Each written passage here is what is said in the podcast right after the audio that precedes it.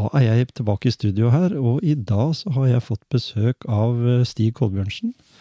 En liten intro om han. Uh, han er en tidligere svømmer. Jeg vet også at han er tidligere reiseleder og seiler, men seiling det driver han fortsatt med. I, følger du ham på sosiale medier, så ser du mange flotte sånne seilbilder. Men han brenner også for uh, den idylliske byen Brevik. Vi kan vel kalle det det. og i tillegg Brevik IL. Så her skal vi få mange ting å prate om. Blant annet eh, skal vi finne litt ut om hans eh, motivasjon.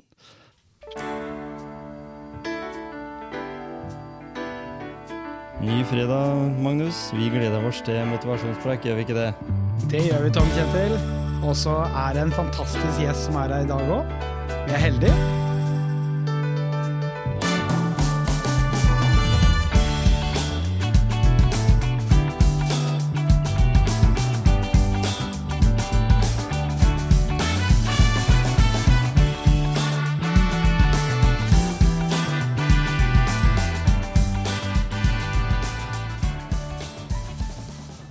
Ja, Stig, hva tenker du om den introen jeg kom med her?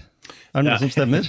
ja da, det stemmer jo. Eh, det stemmer. Det, alt stemmer. Ja. Og, ja, du fikk jo med det viktigste. Seiling er jo viktig. Brevik er jo Jeg har reist jorda rundt eh, tre ganger, tror jeg. og det er, det er en grunn til at man havna tilbake i Brevik. Det er sant og idrettslag og frivillighet. Og, ja, Alle de tingene. Og det er mulig å gjennomføre i Brevik, for de er flinke på det. Har alltid vært flinke på det med sammen, samholdet.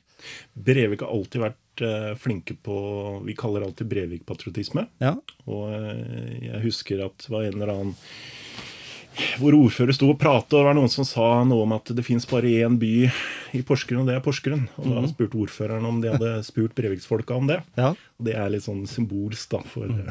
for, oss som bor i Brevik. Ja, for det har vel vært en evig kamp, det å på en måte ha en sånn slags bystatus i byen. Fordi når Porsgrunn For det, det er mange som sliter litt med den koblinga kommune, by. Mm. Er det liksom Kan det være to byer i en kommune? Altså Det er klart at det, det er jo litt den der innsatsen der en gjør. Ja da. Det er ingen tvil om at Breviksfolk ser på seg selv som eh, en egen by, eh, selv om vi ikke har eh, bystatus da. Men vi var jo i egen kommune helt fram til 1964, og det henger etter. Mm. Ordførerne henger der eh, nede på rådhuset enda, og ordførerkjedet er jo intakt. Ja. man drar det med seg. Så holder det, holder hva er tro til det? Du har eh, som sagt lang erfaring med seiling. Eh, og jeg pleier alltid, veldig ofte, det har ikke direkte med seiling, men det har med noe med som ruller å gjøre. Fordi eh, du er jo født i 71 inn i de gode 70-åra. Det var liksom starten på uh, oljeeventyret begynte jo ja, i begynnelsen på 70-tallet. Men det var også et annet skifte på den tida der, fordi uh, dette her med bilspørsmål pleier jeg å ta opp. Hvilken bil tror du var den mest solgte bilen i 1971? 1971 eh, Jeg har ingen anelse. Men det, må jo være noe Toyota eller Ford eller et eller annet sånt. Da. Ja, ja. Det, det, som, det, som, har vært, da, det har vært at flere som jeg har hatt på besøk her, eh, som har da vært vokst opp på 60-tallet, da var alltid bobla. liksom, Den regjerte. Den hadde dobbelt så mange salg. I 70 og 71 så forsvant bobla helt ut. Men da kom Volvo. Så Volvo 144, 142, 145, det var liksom greia. Men det bilmerket som eh, utmerka seg mest, eller de bilmerkene som utmerka seg mest, det var japanske biler. De kom for fullt. Mazda og, og Toyota. De var liksom på, det var de som vokte mest. Og den bilen som faktisk de slutta å lage i 71, da, hvilken bil tror du det var som, som mange har uh... Bobla, det, da? Nei, faktisk ikke, men Amazon. Amazon, ja. Ok. Volvo Amazon. Ja, bil har jo ikke vært min store interesse, men vi hadde faktisk en boblestasjonsvogn. Ja. Den husker jeg godt. Ikke sant? Det var akkurat når jeg spilte på guttelag og sånne ting i fotball. Og det varmeapparatet fungerte ikke. Nei. Eh, og jeg var så, mamma og pappa fikk ikke lov til å være med på fotballkamp, fordi jeg syntes det var så flaut med den bilen. det, og det var, det, var, det, en, en sånn kassebil? Eh, nei, ikke kassebil. Eh, sta, en stasjonsvogn. Ja, den der, eh, ja, ja. Ikke sant? Ja. Fantastisk uh, å høre at uh, det er flere som har vokst opp med dårlig varmeapparat. Ja. Men det har blitt folk av deg for det? Det har blitt sånn noenlunde, i hvert fall. Du uh, driver som konsulent, ja. eller du jobber i et konsulentselskap som du, som du har sjøl. Er det for å på en måte kunne være flinkere til å strukturere deg i forhold til de engasjementene du har innen ulike retninger? Det er tilfeldigheter. Det handler litt om livets veier og inn på bananskall og, og, og, prøve å bli god på de tingene og de sjansene man får underveis. Så det er ikke mm. noe større tankegang bak enn det. Eh, litt tilfeldig. Eh, Utdanna markedsøkonom. Eh, ville flytte hjem. Eh, og, kom inn på en gate som egentlig bare balla på seg, og så har det blitt sånn. Mm. Så eh, Sånn sett så har det ikke vært noen sånn store hva jeg skal bli når jeg blir storplaner. Ja, det er litt sånn historien om mitt liv. Mm. Eh, Fortell. Egentlig eh, Når starta det hele? Nei, det starta vel med at jeg utdanna meg til elektriker og fant ut at eh, det var mer pene jenter i restaurantbransjen, så det ble jeg aldri noen elektriker av meg. Nei. Og kom til et punkt hvor jeg skjønte at du kommer ikke noen vei bare ved å jobbe i hotellresepsjon eller på restaurant. Så da utdanna jeg meg til markedsøkonom, flytta til Oslo. Mm. Og der hadde jeg en lærer. Og han uh, hadde vært med å starte Startturskolen en gang i tiden. Ja. Og han sa at uh, det å være det å være ansatt i reiselivsbransjen, det er å være en fattig mann med rikmanns vaner. Mm. Så da var jo jeg solgt med en gang. Eh, så han sendte vel egentlig inn en CV til starter, og den veien ble jeg reiseleder, oh, ja. destinasjonssjef, personalsjef, produktsjef, produksjonssjef osv. Ja. Eh, men så har jo hele tiden suget vært å flytte tilbake til eh, Brevik, egentlig. Mm. Så da gjorde jeg det, og gikk, jobba litt som markedssjef og litt sånne ting. Før jeg tilfeldigvis begynte å jobbe med noe som har ballet på seg, og så har det endt opp da med at jeg har drevet med det eget firma siden 2012, faktisk. Ja. Det er ti år, det nå. Mm. Ikke sant? Og, og, når du tenker på Brevik som eh, område, så er jo det eh, en, et område, eller en by, for å si det sånn, med sterke seiletradisjoner. Så det hadde du fra du var guttunge, eller sykla, nei, sykla du, sier jeg. Ja. Seila du de her små uh, jollene som du Ja da, jeg, jeg, begynte å seile mine første konkurranser da jeg var fem år gammel. Jeg har noen bilder hjemme. Ja, ja. Da seilte jeg eh, A-jolle, da, som det mm. heter. Mm. Um, og, jeg, og så var det litt tilfeldig også, fordi jeg kommer fra Brevik. Der spiller jo alle fot spilte i hvert fall alle fotball på sommeren. Og så bandy på vinteren. Mm. Uh, jeg var aldri noen god fotballspiller. Så det, for meg så ble det seiling, og jeg kom aldri opp fra læret på skøytene, så derfor ble det svømming isteden.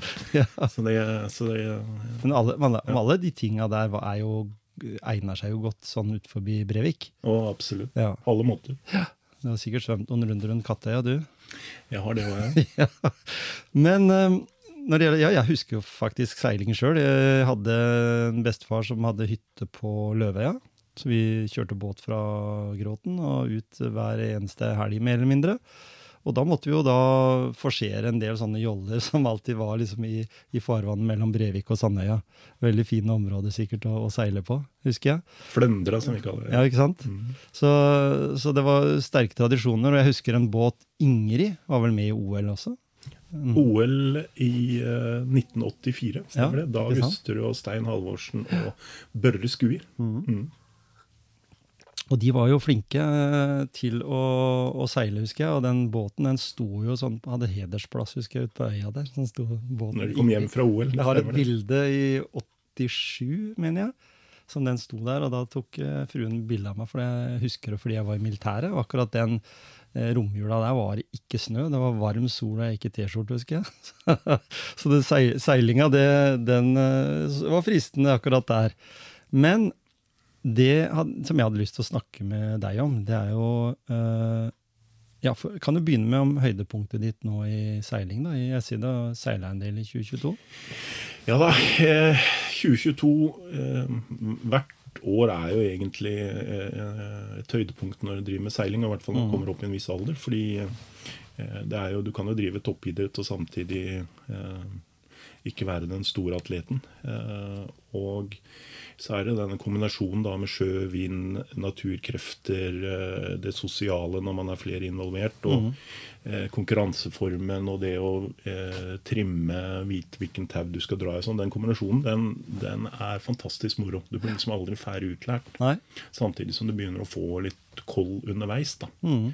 Men i 2022 så, er jo, så har jeg vært med vi var jo med i NM eh, i Ekspress medselger, da, en mm. 26-foting Eh, med fire mannskaper. Veldig moro. Det handler jo ikke bare om regattabanen. Nei. Eh, det handler jo om på brygga før og brygga etter og kveldene med Alle har jo felles felles interesser, og det er en veldig sosial sport. Alle er på fornavn med hverandre, og det blir mye mennesker. Og så avslutter vi, og det er en sånn årlig tradisjon vi har, at vi drar til Italia. Ja. Vi er en, eh, både seilervenner, men også en kompisgjeng sånn utover det. Eh, til noe som heter Barcolana i Trieste i Italia, i Nord-Italia. Bare eh, halvannen time fra Venezia. Og da seiler vi verdens største seilregatta. ja. Da har vi en båt som ligger og venter på oss der nede, en 45-foting. Eh, hvor vi eh, De stiller eh, Vært litt sånn i forhold til korona og sånn, men godt over 2000 båter stiller på den startstreken. Såpass, ja. Det er, og, og når det er ferdig, vi kommer hjem fra Italia, da er seilsesongen over. Ja, ja. Nei, så, så, sånn, så sånn seilmessig så tenkte jeg at det må jo være motiverende, og, og kongen har jo sagt òg, som, som kan komme ned der med krøkke liksom inn på båten, og så, og så er han, eh, som de andre på båten sier, en veldig viktig brikke å ha med, for han har så utrolig mye kunnskap om det å seile. Og sånn, og så må den jo kunne vite å dra i de rette snorene eller holde roret på rette måten, vil jeg tro. Det er jo litt med det òg. For, det- for det er jo ikke tvil om at eh, du slenger ikke hvem som helst ut i en ekspress eller i en eh, 45-foter for å eh, være med i en konkurranse. Vi gjør det òg. Det hender jeg har med folk som aldri har seilt før. eh, Ikke aleine? Eh, jo, Ja, gjør det? ja da, det, det skjer det. Da må du jo fortelle de når, hvilket tau du skal dra i. Ja, ikke sant? Du må jo ha Men det som er det moro med seiling, er det når du får det her urverket om bord i båten. Mm. Alle har sin arbeidsoppgave. Eh, og man er ikke bedre enn den som utfører sin arbeidsoppgave dårligst. Nei, ikke sant? Eh, og jo mer det urverket her går, eh, seilet skal opp eh, på et visst tidspunkt, bommen skal ut, seilet skal dras inn, eh, vinden løyer, man skal dra i Cunninghamen, eller slakke Cunninghamen når dette går automatisk, og det urverket er på plass, da vinner man konkurranser. Ja, ikke sant? Mm. Og, og det har jo noe med dette her når du har et mannskap. Eh, For det er jo det, er jo det en snakker. En snakker ikke om gjengen om bord, men det er jo mannskap, selv om en bare er fire. Hvordan er det å bygge relasjonene der du sier at du blir eh, flink på enkelte områder? Kan, du, kan det motivere deg, siden dette er en kan det motivere til å bli en bedre utgave av deg sjøl ved å bli en god seiler? På alle områder, fordi det er, dette er noe du drar med deg, det som skjer om bord i en båt.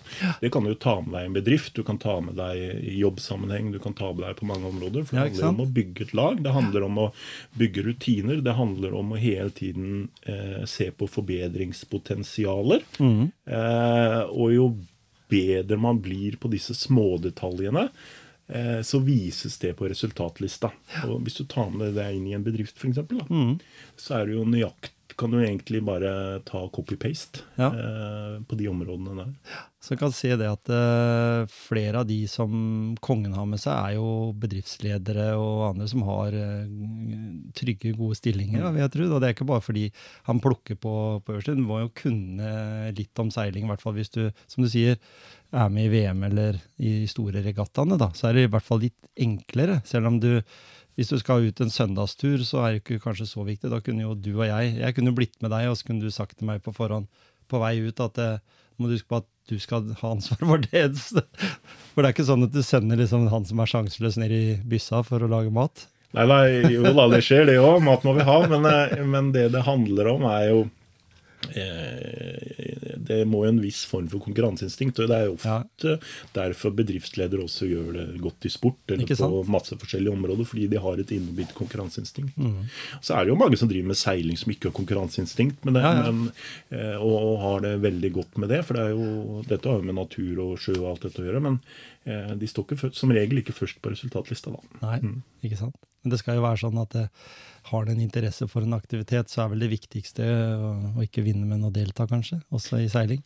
Selv om så, Ja, jeg har ikke noe sånn utprega konkurranseinstinkt sånn på generell basis, men i seil, ja, når jeg kommer om bord i en båt, eh, så, så slår det inn. Eh, som egentlig den eneste sporten hvor jeg har følt på det. Da. Ja.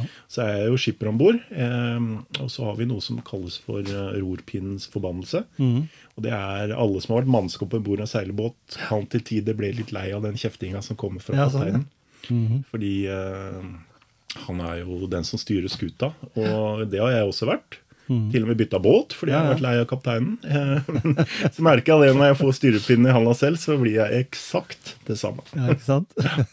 Det er sånn det er. Det er sånn. det er bare sånn det er, og det må man aksepterer, akseptere. Og det er litt sånn å ta Ja. det med inn i, inn i yrkeslivet òg. At en Ja. møter mennesker som er sterke og ledertyper, og, og sånn, og så må man kanskje bare si at en må bare finne seg i det noen ganger. Det hender jeg ber om unnskyldning før vi starter. Så blir det høy temperatur om bord. Du har eh, seilt mye, det, det skjønner jeg, og du, dette kan du veldig godt. Eh, for noen år tilbake så skrev du en bok. Ja. En bok som het så mye som at 'Finn eh, din egen hverdagslykke'. Stemmer. Eh, og der har du jo en del elementer som tar for seg, som det sier i tittelen, finn egen hverdagslykke og litt formler og sånne ting. Har du, har du det sjøl som en sånn eh, manual i livet ditt, eller bruker du den bevisst når du er ute blant uh, de du jobber med i dag? Jeg, jeg bruker ikke boka bevisst, men det handler litt om en sånn Det er noe som ligger litt sånn innebygd, eh, egentlig.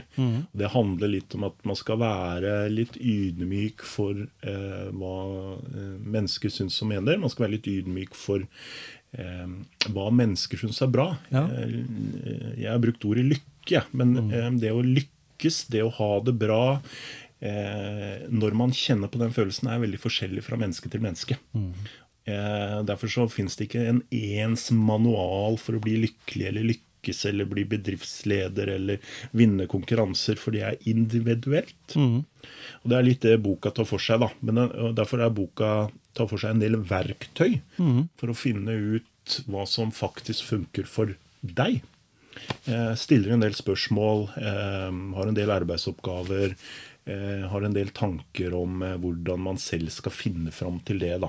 For jeg tror at alle, alle av oss har gjennom livet følt på at nå, nå kunne ting ha vært bedre. Og så handler det om hvordan kommer man ut av det. Noen verktøy for de, fordi det å få tilbake følelsen, eller hvordan man skal få tilbake godfølelsen, er så individuell. Mm. Så det, det det er veldig vanskelig å gå til en person og si at gjør sånn eller gjør sånn. For Spørsmålet er egentlig hva funker for deg. Ja. Og det er det den boka tar for seg. Da. Ja. Og når, du- og når du tenker sånn, Det fins jo veldig mange selvhjelpsbøker. Ting som bygger på det med å bygge opp andres motivasjon gjennom f.eks. enten du er fra Forsvaret, og at du har en del sånne teorier derfra. At du har eh, Jeg vet ikke om det er sånn fra reiselivsbransjen, ja, om du vil i hvert fall lære å velge de rette hoteller og sånn. Men, men hvis du tenker at vi skal bygge motivasjon hos et menneske, så jeg er veldig enig med deg i det at det, det å, å bygge på individuelle ting Jeg tror ikke det er en sånn mal aleine. Jeg tror det er litt for mange av disse selvhjelpsbøkene som er i retning der at det, de eh, står fram og Du skal være, bli den beste utgaven av deg sjøl. Jeg husker eh, for en tid tilbake så hadde vi en dame som er eh, ultraløper, som heter Therese Falk, som, som sa det så fint, syns jeg. eh, Bli en bedre utgave av deg sjøl. Ikke den beste utgaven, fordi du også sier det med lykke. altså Der er det så veldig mange faktorer. Er du langt ned i kjelleren, så kan den hverdagslykken din bare være små ting som gjør forandring. Mens andre som er i lykkerus, de vil stille helt andre krav. Så det er, det, er mye mellom her. Så er det sånn noen, noen liker pærer, og noen liker epler. Ja, og, og, hva, og hva som får folk til å føle lykke, det er jo veldig forskjellig. Mm. Det som kan være lykke for én, er kanskje ikke lykke for en annen. Ehm, så at det er eh, det der skal man være litt ydmyk for, da. Ja, Så løp gjerne og finn boka. Eh, Den får du sikkert kjøpt på bokhandelen. Eh, Ja, hvis det er flere igjen. Ja, jeg fikk en melding her at nå, nå gikk det mot slutten, og det er jo moro, det. Ja. det er, ja. Og hvis det er noen som har lest den ut uh, flere ganger, så kan du sikkert finne på Bookis eller noe sånt òg. ja, helt sikkert. Kan være. Men eh, jeg har jo vært på et foredrag med deg, det er noen år siden nå, da. Uh, og din, uh, den modellen da, som vi gikk gjennom der, det var denne her med dyr. Ja. At vi, har, at vi som mennesker har ulike dyr, da, eller vi er ulike dyr. Så, så når jeg kom hjem fra det foredraget, husker jeg, så husker jeg prata med kona mi, og så fant vi fort ut at hun var ugla. Hvilket dyr tror du jeg blei på det foredraget ditt, når vi var oppe på Gautefall? Nei, det husker jeg ikke. Eh, eh, vi, vi, eh, hvem som blei hva. Men hva, kan du gjette, da? Og du tenker liksom hvilken Jeg tipper at du var reven. Ja, det Ja. var det. Jeg, var, jeg havna i den gruppa, faktisk, Ja. når, eh, når vi eh, oppsummerte til slutt. Ja, reven er jo er fryktelig rause og, og fikser og trikser og får til det meste i hverdagen. Og så er de ikke fullt så gode på motgang. Nei, ikke sant? Ja. Nei, det var bra. Også Mm. kona mi, da, som er ugla, da, jobber på biblioteket òg, så hun passa jo perfekt inn, ikke sant. Ja. Som skal passe på reven. ja da. Så jeg har sagt det mange ganger, jeg er heliumballongen, og hun er den som holder ballongen i snora, liksom. Ja da, så Reven er jo paragrafrytteren, de som holder strukturen i hverdagen, men samtidig eh, eh, innimellom føler litt på at de er litt for strenge og, og blir litt ydmyke av den grunn. Ja. Det er Interessant foredrag, i hvert fall. Ja. Fort, har du det fortsatt? ja da, jeg kjører det innimellom. Ikke sant? Det er en sånn eh, standard tretimersmodul som jeg kjører eh, i ulike sammenhenger. Da. og Den Ja. kan tilpasses masse yrker og masse forskjellige sammenhenger. Ikke sant? For foredrag på den måten har uh, en viss levetid hos folk. Altså det vil si veldig mange foredrag i dag som ikke engasjerer uh, pub da, for å si det på svensk, de, de er glemt på tre uker. Men jeg har jo faktisk snakka med folk som var på det foredraget, som ikke jeg jobber fast med nå, men som innimellom, at det, de husker det enda. Ja, det er moro. Og jeg tenkte det sånn i ettertid nå, det er jo en stund siden. Det var i 20... Kan det ha vært i 2017-2018? Eh, ja. Så det er jo noen år siden. Det var lenge før pandemien. Og da har du hatt en virkning. For da har du sittet igjen med effekten av det over lengre tid. Men det, jeg tror kanskje et sånt foredrag, uten at vi skal parkere podkasten på det, men det har noe med det å, å kunne identifisere, lage noen bilder. Ja, Jeg får det revestempelet på meg, ikke sant? Og reven er jo litt lur og slu og litt sånn kul og sånn òg, ikke sant? Så, så da sitter det litt dypere enn eh, enn hvis det bare var en sånn overfladisk uh, greie. Det at man bruker dyr, er jo et verktøy da, for å få fram budskapet. På samme måte som humor. litt sånne ting. I løpet av de tre timene så blir det jo mye Ja. latter, og det blir eh, mye selvgransking. Og, og ikke- ufarliggjør det litt. da. Ja. Så det er litt det som har vært suksessen med det foredraget. faktisk. Ikke sant? Så er det noen som tenker at det må vi bare prøve på. Har prøvd alt på arbeidsplassen. Så er det bare å ta kontakt med Stig, så kan så kan det være mulig å få det til. Eh, politikk. Ja, Du, er, eh, du har fått eh, rød kaffekopp her i dag. Ja, stemmer det. stemmer det? ja, det stemmer.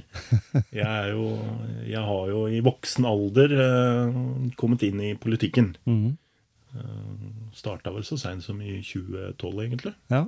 så har det tatt mer og mer eh, Ikke over, men det har blitt en større og større del av, av, eh, av eh, hverdagslivet, egentlig. Mhm. Det handler jo litt om at jeg har alltid vært en fyr som engasjerer meg i ting som interesserer meg. Og det ene drar på seg det andre, og når man først roter seg borti noe, så har man lyst til å, til å utvikle det. Og sånn har det vært litt med politikken også, da. Jeg leste uh, stikkord, eller litt fra et, um, en sånn 17. mai-tale du hadde hatt i Mhm. Brevik. Var det Breviksmannen Stig, eh, eller var det politikeren som var det? Jeg syns det var litt uh, mer uh, Brevikskaren enn det var eh, politikeren den gangen. Det fins ikke noe politikeren Stig eller Breviksgutten Stig. Det fins en stig. Ja, ikke sant? Og, og, det, og det, er jo, det er jo en totalpakke, da. Mm. Eh, eh, men det, det var en 17. mai-tale jeg syntes var fryktelig moro å holde. Og det var midt i litt sånn betente tider i, i, i- Brevik, og egentlig Brevik og omegn med Ja. deponi og litt sånne ting. Og da kunne frembringe et budskap som jeg tror stort og det hele på, uavhengig av om jeg er politiker eller reiselivsmann eller jeg er Det er noe jeg står liksom er litt sånn grodd fast i ryggraden min. da. Også, også det som kom litt fram der òg, er jo det å ta imot uh, nylandsmenn òg. Mm. Det er jo viktig. Ja, at en er åpen for, for det, selv i et uh, litt samfunn som en kanskje kan kalle Brevik. da. Ja. Så, så blir det fler, flerkulturelt, bare. Ja, og det er litt sånn, I mitt hode så er det jo litt sånn verden har blitt. da. Ja. I gamle dager så sendte du brev med posten, eller eh, nå koster det deg eh, eh, 750 kroner å fly tur-retur Italia. Verdens grensene i alt dette her. Eh, verden er underlig, og verden er rar, og vi har stort overflod. Eh, og at vi kan bistå og hjelpe, syns jeg bare er bra. Og så må vi bare passe på selvfølgelig at eh, når vi skal hjelpe folk, at vi, vi klarer å hjelpe dem. Det er jo, så Jeg har jo forståelse for de som kan være litt skeptiske hvis det blir for mange eller det blir for Ja, ja. dette her også. Men, men allikevel så er jo Brevik er jo en plass for, for mangfold. fordi det er ikke tvil om at med skipstrafikken så kom det mye mennesker fra hele Europa egentlig og bosatte seg i, i eh, Brevik og Porsgrunnsområdet. Det er litt i hvert fall Tyskland, Ja. Nederland, mange av de landa der. En har jo vært med på, mange av de har vært med på å bygge opp industrien også, hvis du ser tilbake på, på de tinga der, da. Ja, hvorfor dette Og det var litt sånn eh, Det var et poeng med å ta det opp akkurat i Brevik. For. Brevik har i min oppvokst hatt et rykte på seg for å være en av de vanskeligste byene som fins å flytte til. Mhm. Fordi det har vært så lukket, og det har liksom eh, folk har ikke sluppet deg innpå. Det har vært vennekretser og det har vært, som har gjort at det har vært fryktelig vanskelig å, å være nyinnflytter til Brevik. Ikke sant? Men så min generasjon er jo den første generasjonen som har flyttet ut av Brevik, studert andre plasser. Eh, dra med seg en kone eller mann fra andre byer eller landsdeler eh, hjem til Brevik. Så vi har fått en totalt endring der. Så det er jo først nå Brevik egentlig er klar til å ta ifra folk utenfra som ikke spiller fotball i Brevik. Ja, ikke sant? Så det, så det, og det gjør det jo til de grader. Så jeg, du ser jo det flytter flere og flere folk til Brevik som ikke har hatt tilknytning til Brevik, og stortrives. Det var helt uaktuelt i gamle sant? dager. Litt som Skottfoss i Skien. Det, var, Kanskje, det tok ja. lang tid før det ble Ja. akseptert. Du måtte som regel ha én eller to generasjoner Ja. som hadde vokst opp der. I eller industrisamfunnet var vel litt sånn. En bosatte seg kanskje i et eh, tett område, og alle jobba sammen Ja. eh, på en måte. Eh, jeg syns jo Brevik er en trivelig jeg kaller det by, ja, trivelig plass å komme til. Det er god is der om sommeren, og det er fortsatt så er det koselige gater og trehusbebyggelse. Det er liksom som å komme til en sørlandsby, egentlig. Men jeg tenker Du sier jeg har spilt Jeg har jo spilt fotball sjøl. Jeg har spilt mot Brevik eh, mang en gang. Mm. Eh, og de har jo faktisk Brevik har jo vært eh, godt plassert opp i tredjedivisjon, kanskje høyere også. Eh, og de har vært kjent som bandylag tidligere, selv om det legges vel ikke is på fotballbanen lenger. Eh, nei, men vi har akkurat bygd en sånn hvor multipark eh, med tanke på For det har vært et folkekrav egentlig å få tilbake den gamle isbanen ja. forsvant når man bygde skolen. Ja, Så nå har vi bygd en stor multipark på størrelse med en håndballbane eh, som vi kan islegge på vinteren. ja. Så denne vinteren her, hvis været er med oss, Mm. blir eh, det is for første gang på mange mange år. For, for det var jo sånn at det var jo bandybane på Kotøya, eller ut forbi Kotøya der. Ja, det var det kanskje også. Ja, Ja. Der var det inni, inni et tjern inni der. Jeg husker jeg snakka med Ingrid Kristiansen og mann om det, som, som holder til på øya der. At Ja. det var helt vanlig. Ja. Vi hadde en, en, en bandybane der. da. Og bandy var jo en ganske stor sport. Det var jo den gangen du spilte bandy om vinteren og fotball om sommeren. Ja. Det var jo to idretter som gikk veldig godt overens. Ja. Men da er vel fotballen blitt uh, Helårssport. helårssport. og det har jo gjort at vi har fått noen Haalander og noen, uh, Mm. noen Ødegård og sånt. Og kanskje dukker det opp noen fra Brevikstrakten òg. I hvert fall uh, interessant å lese at uh, de klubbene også får litt omtale i aviser. Jeg er jo vært forkjemper for det i lokalaviser. At det skal du ha være lokalavis, så må du ha lokal sport også. Mm. Og fotball er jo en stor uh, sport både for gutter og jenter eh, i, i grenlandsområdet, og andre områder òg.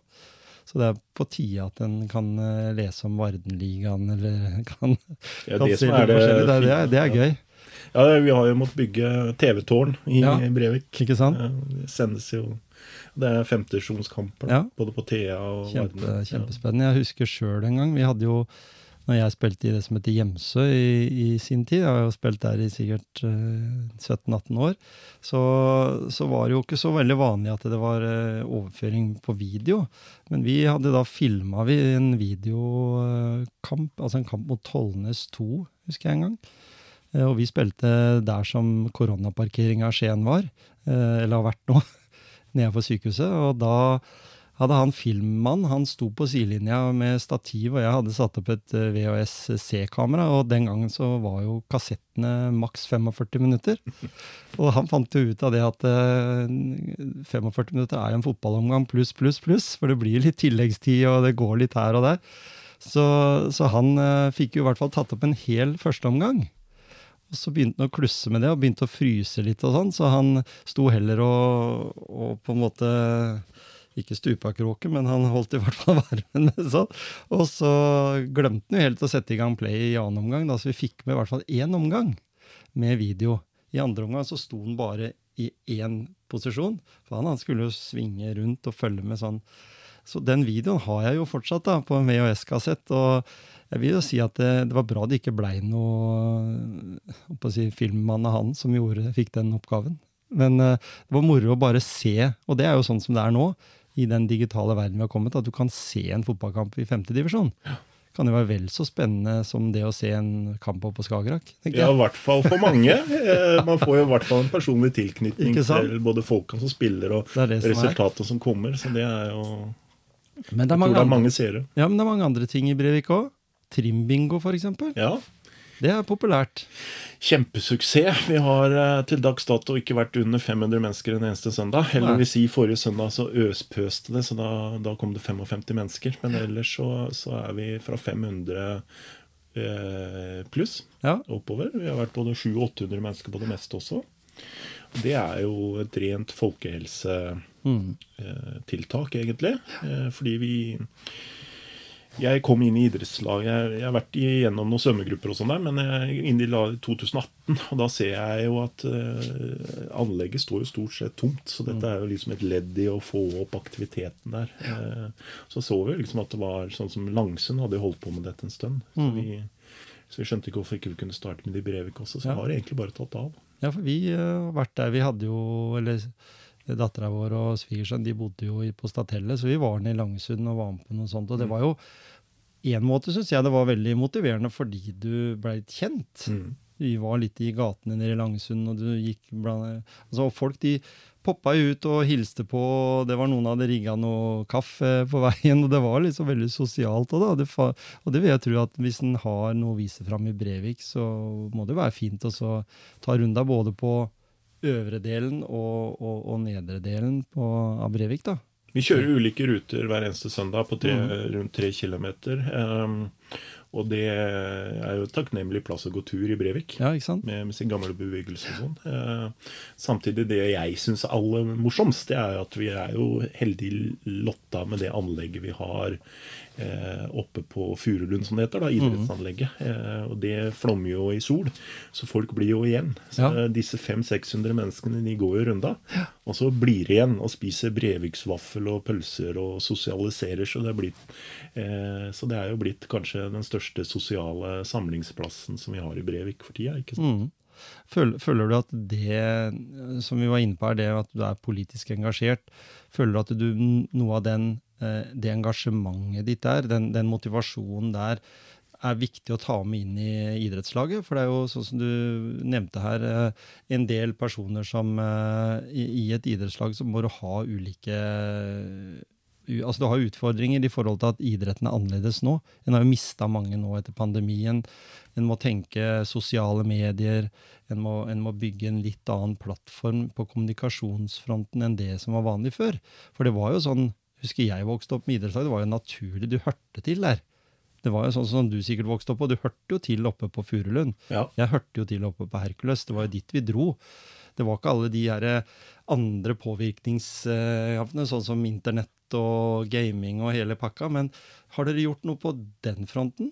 Eller har dere noen planer om det? For jeg vet at det er flere idrettslag, bl.a. Tollnes her i området, som har laga en liten sånn, kall det SFO-løsning for de som kommer rett fra skolen. Ja, Vi har jo SFO egentlig på idrettsanlegget, i og med at skolen ligger på idrettsanlegget. Ja, ikke sant? Eh, så, hos oss. Eh, så hos oss så er jo alle som går på barneskole i Brevik, bruker jo idrettsanlegget som skolegård. Mm.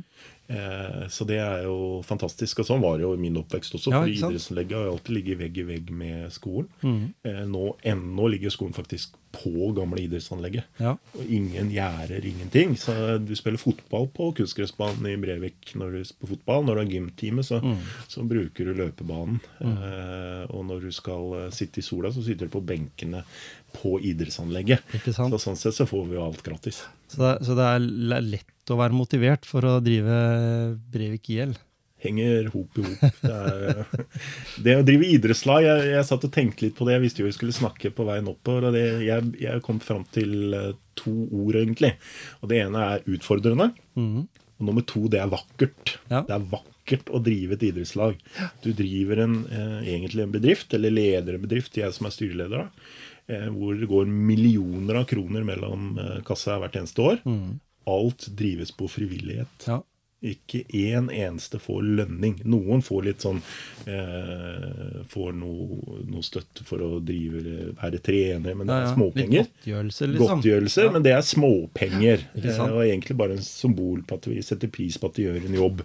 Ellers så drives altså en millionbedrift på frivillighet. Ja. Og det er en sånn balansegang som leder. Og er det noe jeg kjenner på innimellom, så er det den balansegangen.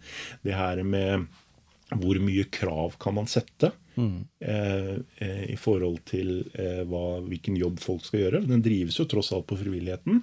Og så må jeg ta meg noen ganger da hvor takknemlig man skal være for at folk stiller opp på fritida si for å hjelpe. Eh, og så Der må jeg jobbe litt med meg selv hele tiden. Du har et stort ansvar, bygd på frivillighet. Samtidig så er det jo fantastisk. Alt ifra den som steker vafler, tømmer søpla, stiller i kiosken, til å være trenere, til å drive, komme på dugnadene.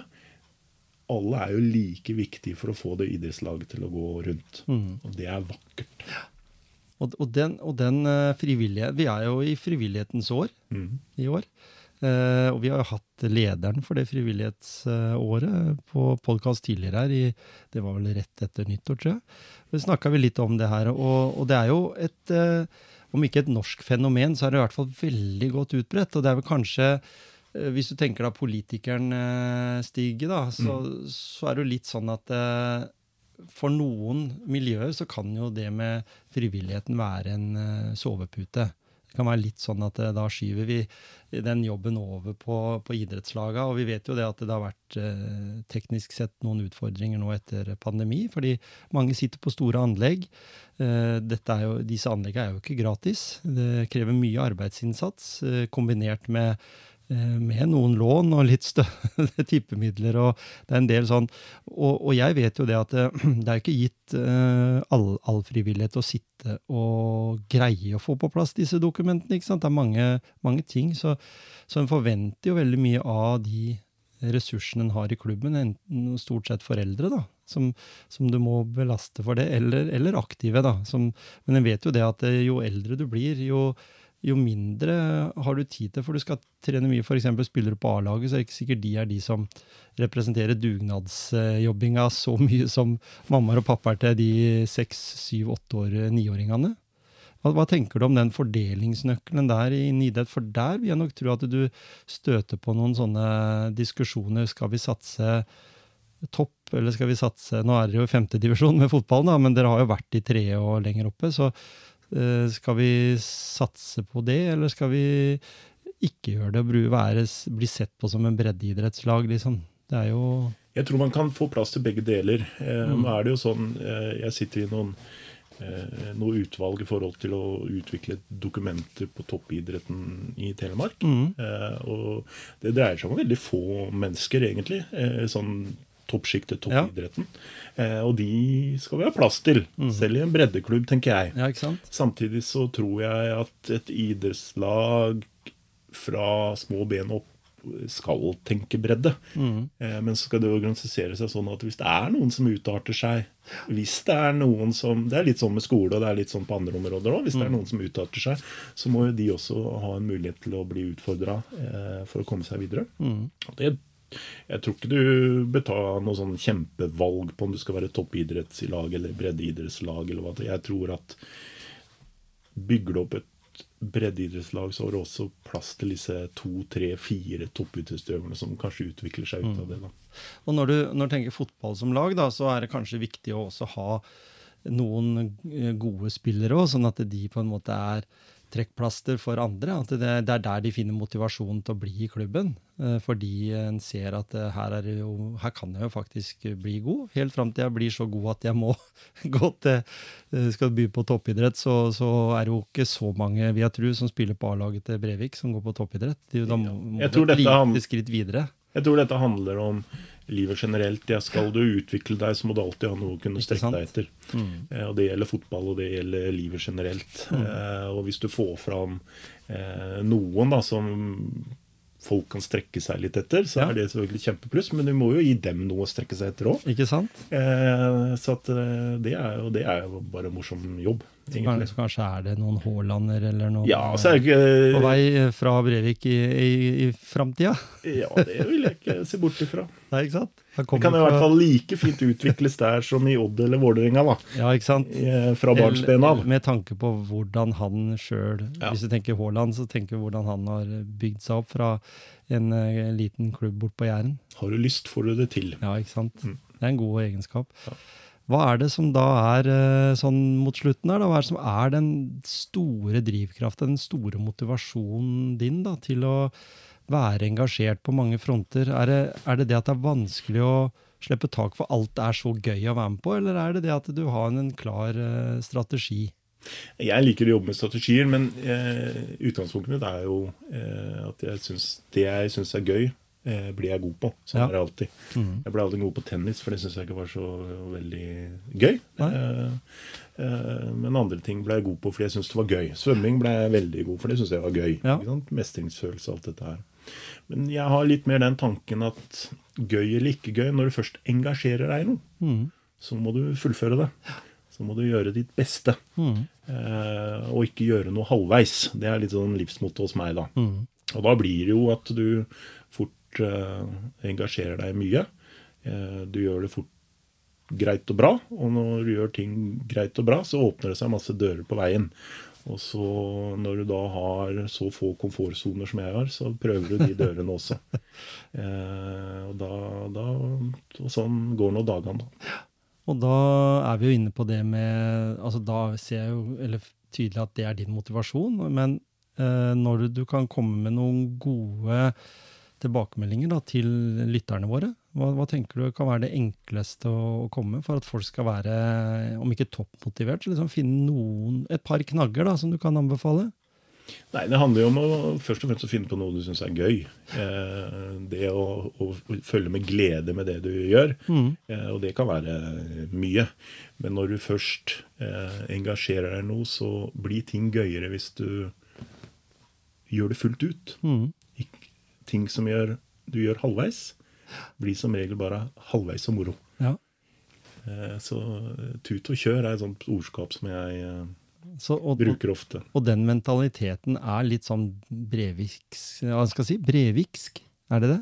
Ja, vi, vi For jeg tenker på de som har jobba for Bacalao-festivalen, det har vært seilkonkurranser. Det er jo skulle jo ha OL her for noen år siden. Det var liksom, 2012, vi hadde OL. 20 000 mennesker oppe på Furulund. Ja. eh, Og vi hadde OL-helter. Men det er jo litt sånn i, i brevet gjør man ikke ting halvveis, da. Nei, det er det jeg mener. Så det, du har det der i, eh, i deg, du. Jeg er født er født med det. i Brevik. Sant? Det er liksom genet, det ligger i deg, så, så det må du bare ha med deg. Ja da, altså eh, Breviksfolk er også eh, gode til å stå i det. Mm. Eh, ikke sant? Det er jo ikke alt som eh, lykkes på første forsøk. Men Breviksfolk gir seg liksom ikke. Eh, til manges irritasjon innimellom, sikkert. Ja. Men eh, det betyr også at de kommer som regel i mål. Mm. Så bra. Og det tror jeg vi er i podkasten også. Fått snakka om mange fine ting. Veldig hyggelig at du tok eh, turen. Så håper jeg at eh, noen av lytterne våre blir motivert av det de eh, har fått med seg i denne episoden. Takk for at jeg fikk komme. Hyggelig å være her.